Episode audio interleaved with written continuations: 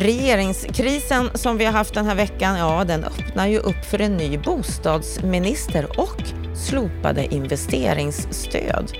Att Riksbanken driver upp bostadspriserna, det är något som vår expertkommentator kritiserar och han är också skeptisk till Danderyd och Lidingös försvar mot sitt låga bostadsbyggande.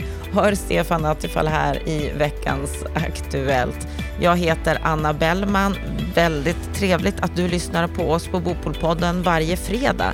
Så har vi ju ett program där vi lyfter upp det viktigaste som har hänt under veckan. Så varmt välkommen till veckans Aktuellt och Bopolpodden.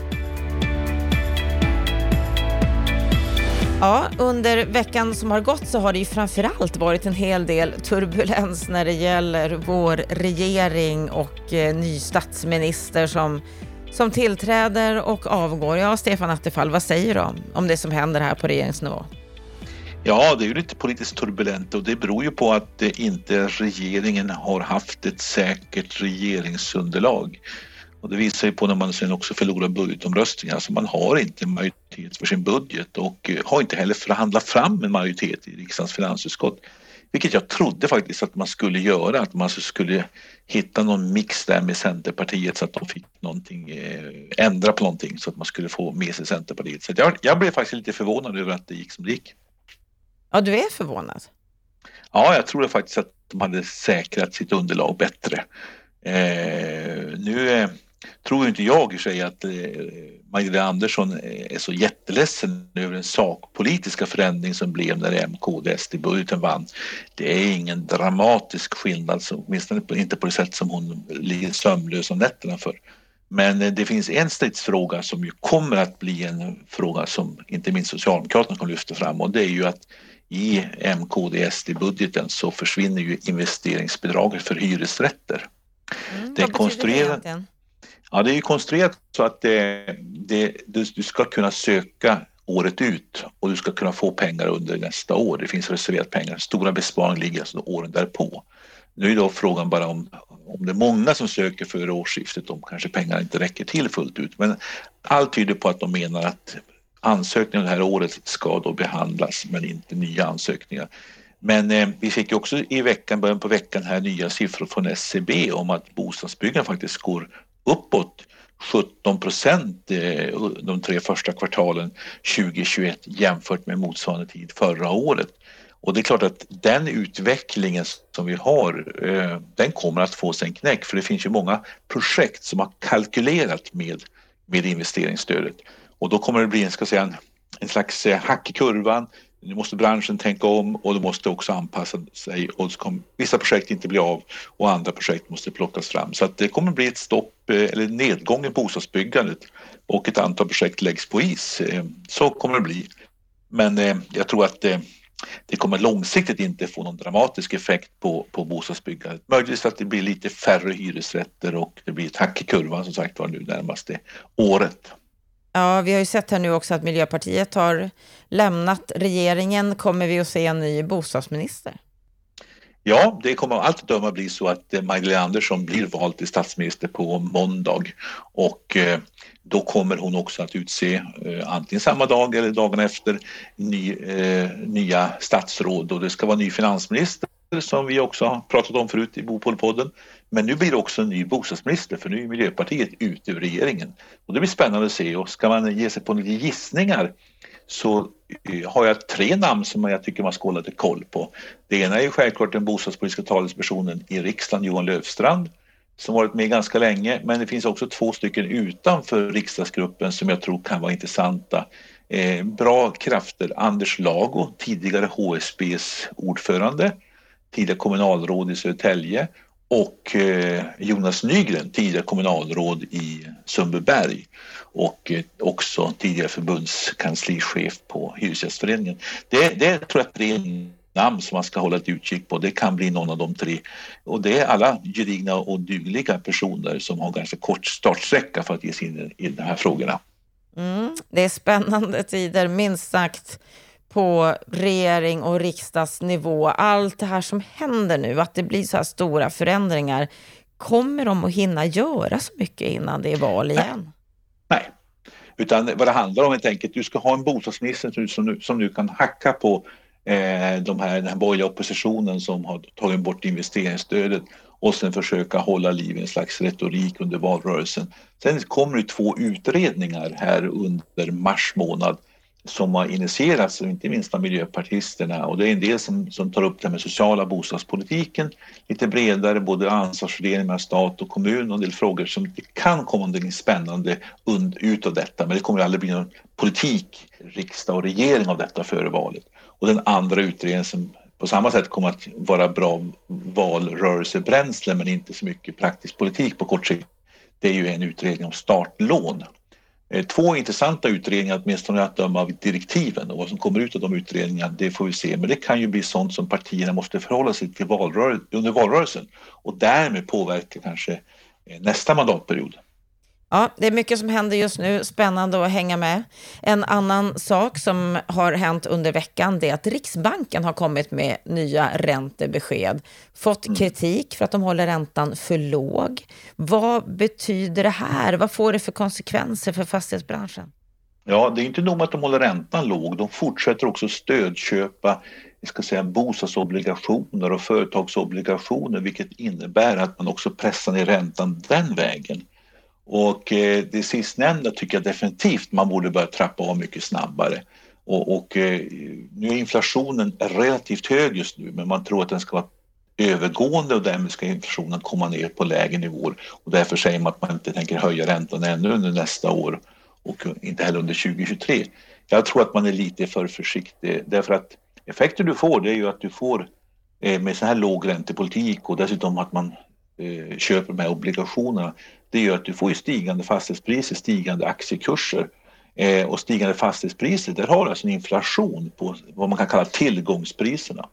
Så jag tror att du får alltså en, en, en för stark utveckling på det här området. Eh, jag tror att man skulle haft lite mindre expansiv finan, eh, penningpolitik. Det hade varit sunt för fastighetsbranschen. Eh, lägg därtill då att riksdagen regeringens budget men också med, med alternativ som vunnit gehör nu spär ju på ekonomin även från finanspolitikens sida.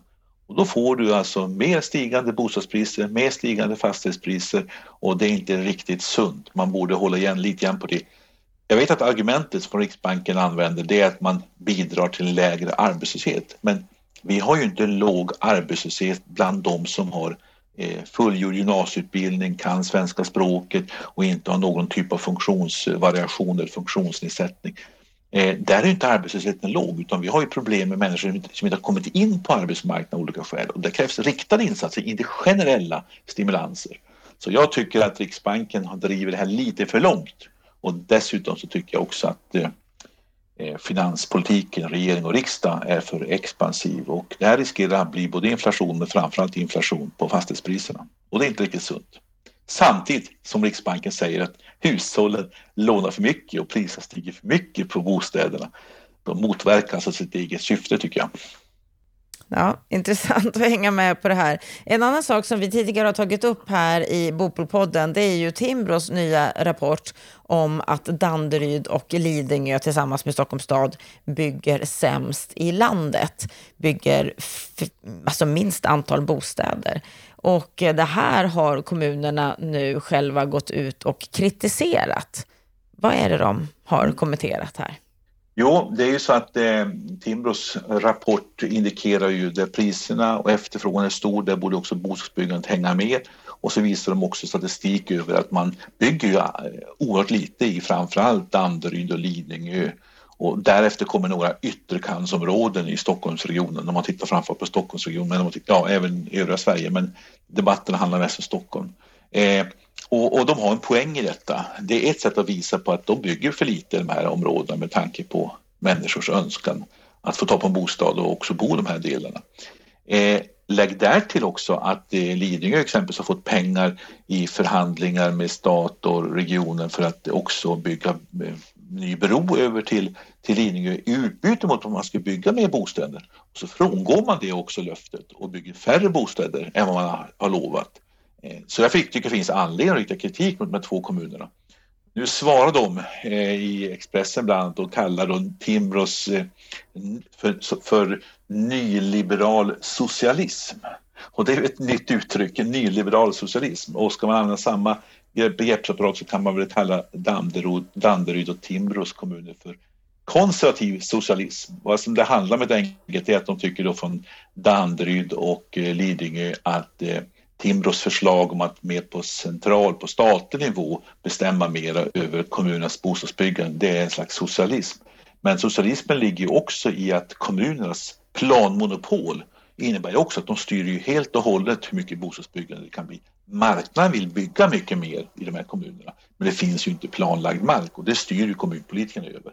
Så att eh, den här lilla, lilla debatten mellan, mellan den ska säga, marknadsliberala tankesmedjan Timbro och de moderatstyrda kommunerna är ganska komisk på ett sätt. Men jag tycker Timbro sätter fokus faktiskt på att kommunerna har ett stort ansvar. Och här har vi två exempel på kommuner som faktiskt bromsar mera än vad de bör göra med tanke på det totala behovet av nya bostäder i de här områdena. Mm. Du tycker alltså att deras sätt att försvara sig inte riktigt håller? Nej, jag tycker att det är lite... Och klart, de gör ju det därför att de vet att också väljare vill egentligen inte ha in så mycket nytt folk. De vill ha en lugnare utveckling. Men eh, då måste man också kanske ha mer statlig styrning för att man ska kunna skylla på någon där uppe. Därför att vi måste ju lösa också efterfrågan på bostäder. Vi måste lösa bostadsbristen och då kan vi inte låta vissa kommuner ta hela ansvaret. Här måste man hjälpas åt, särskilt i de här typen av regioner där, man, där, där kommungränser är ganska, ganska eh, obsoleta saker för att folk rör sig vid gränsen. Det gäller Göteborg och deras närkommuner, det gäller runt Malmö och det gäller inte minst i, i stora delar av Stockholms län. Vi ska avsluta med Stig Westerdahl, professor i företagsekonomi som har skrivit en bok och debattartikel i Svenska Dagbladet om renoveringar i miljonprogrammen. Vad är det han mm. menar här? Ja, han har en, en, teori om att det här är fastighetsvärderingsprinciper och det är det är eh, redovisningsregler som driver på utvecklingen mot att vi renoverar för mycket och renoverar till för höga kostnader och att eh, eh han skäller på Blackstone som är ett sånt där pensionsbolag som har investerat en del eh, fastighetsägare i Sverige som Victoria Park tidigare. Eh, att de driver på den här utvecklingen mot att vi får ska vi säga, stora renoveringar och därmed höjda hyror och därmed skulle det, det vara svårt för människor med lägre inkomster att få tag på en hyresrätt. Vi kan diskutera det problematiken i sig, men han har tre stycken förslag till åtgärder som jag tycker är små, ursäkta mig, men lite småkorkade. Men det är så tror jag att, att allmännyttans affärsmässighet som det finns inskrivet nu i lagen sedan 2011 skulle påverka det här. Eh, det, det, han, han säger att eh, de redovisar, allmännyttan, alltså redovisar sina innehav som vore det finansiella tillgångar med marknadsvärde han kan ju inte ha jobbat i ett kommunalt eh, allmännyttigt eh, bostadsbolag. Det finns ju inte någon kommun, det är klart man anger vad marknadsvärdet är på sina fastigheter men det påverkar ju inte eh, bolagens agerande. Det är ju ingenting man överhuvudtaget agerar efter vill jag påstå. Så jag tycker att det är verkligen skott bredvid. Alltså, affärsmässigheten är ju ingenting som har förändrat i praktiken beteendet för de kommunala bostadsbolagen. Det är mest för att markera att man inte får så dolt subventionera de kommunala bostadsbolagen eh, jämfört med exempelvis privata från kommunernas sida. Sen eh, påstår han också att eh, att sälja lägenheter till bolag som Blackstone, det är alltså sälja från, från allmännyttan, det skulle då eh, göra det svårt att klara eh, bostadsbristen. Men det är ju tvärtom så att de kommuner som har sålt har ju ofta gjort det för att få in mer pengar till de kommunala bolagen för att kunna bygga mer nytt och för att kunna renovera de stora bestånd man har. Alltså utan försäljningsintäkter har man haft svårt att kunna, kunna tillgodose fler hyresrätter och rusta upp det man redan har. Och eh, han, han, menar också att redovisningsreglerna skulle driva på den här utvecklingen och jag tycker att det är lite konstigt. Det är ju Hyran sätts ju av bruksvärdet. Vi har ju ett bruksvärdessystem och då är det bruksvärdet som sätter hyran hur du än laborerar med redovisningsreglerna. Och det är det här som är på något sätt eh, det feltänkta. Har vi ett bruksvärdessystem så är det det som styr hyran. Det är inte huruvida du redovisar olika kostnadsposter på olika sätt. Nej, eh, det är lite förvånande att en professor i företagsekonomi verkar vara så, jag, okunnig om de faktiska förhållandena. Det var detta som vi hade från veckans Aktuellt i Bopolpodden för den här veckan. På måndag så får du höra ett samtal med CBREs hållbarhetschef Linda Kjellén som menar att nej, vi gör inte tillräckligt för att nå noll i tid. Jag tror att ju fler som kommer igång och kan accelerera sitt arbete desto bättre. Och här får man ju tacka de som har gått lite grann i bräschen för de här frågorna. Eh, det finns många duktiga att ta rygg på som har navigerat, sonderat terräng. Ta rygg på dem och se till att vi kommer igång så tror jag att vi har en, en god chans. Men, men gärna lite, lite snabbare tempo tack, om, om jag får önska. Det var Linda Kjellén. Mer om henne och hur hon ser på det här med hållbarhetsmålen och vad vi behöver göra, det hör du i vårt program måndag. Med eh, detta så önskar vi dig en riktigt trevlig helg.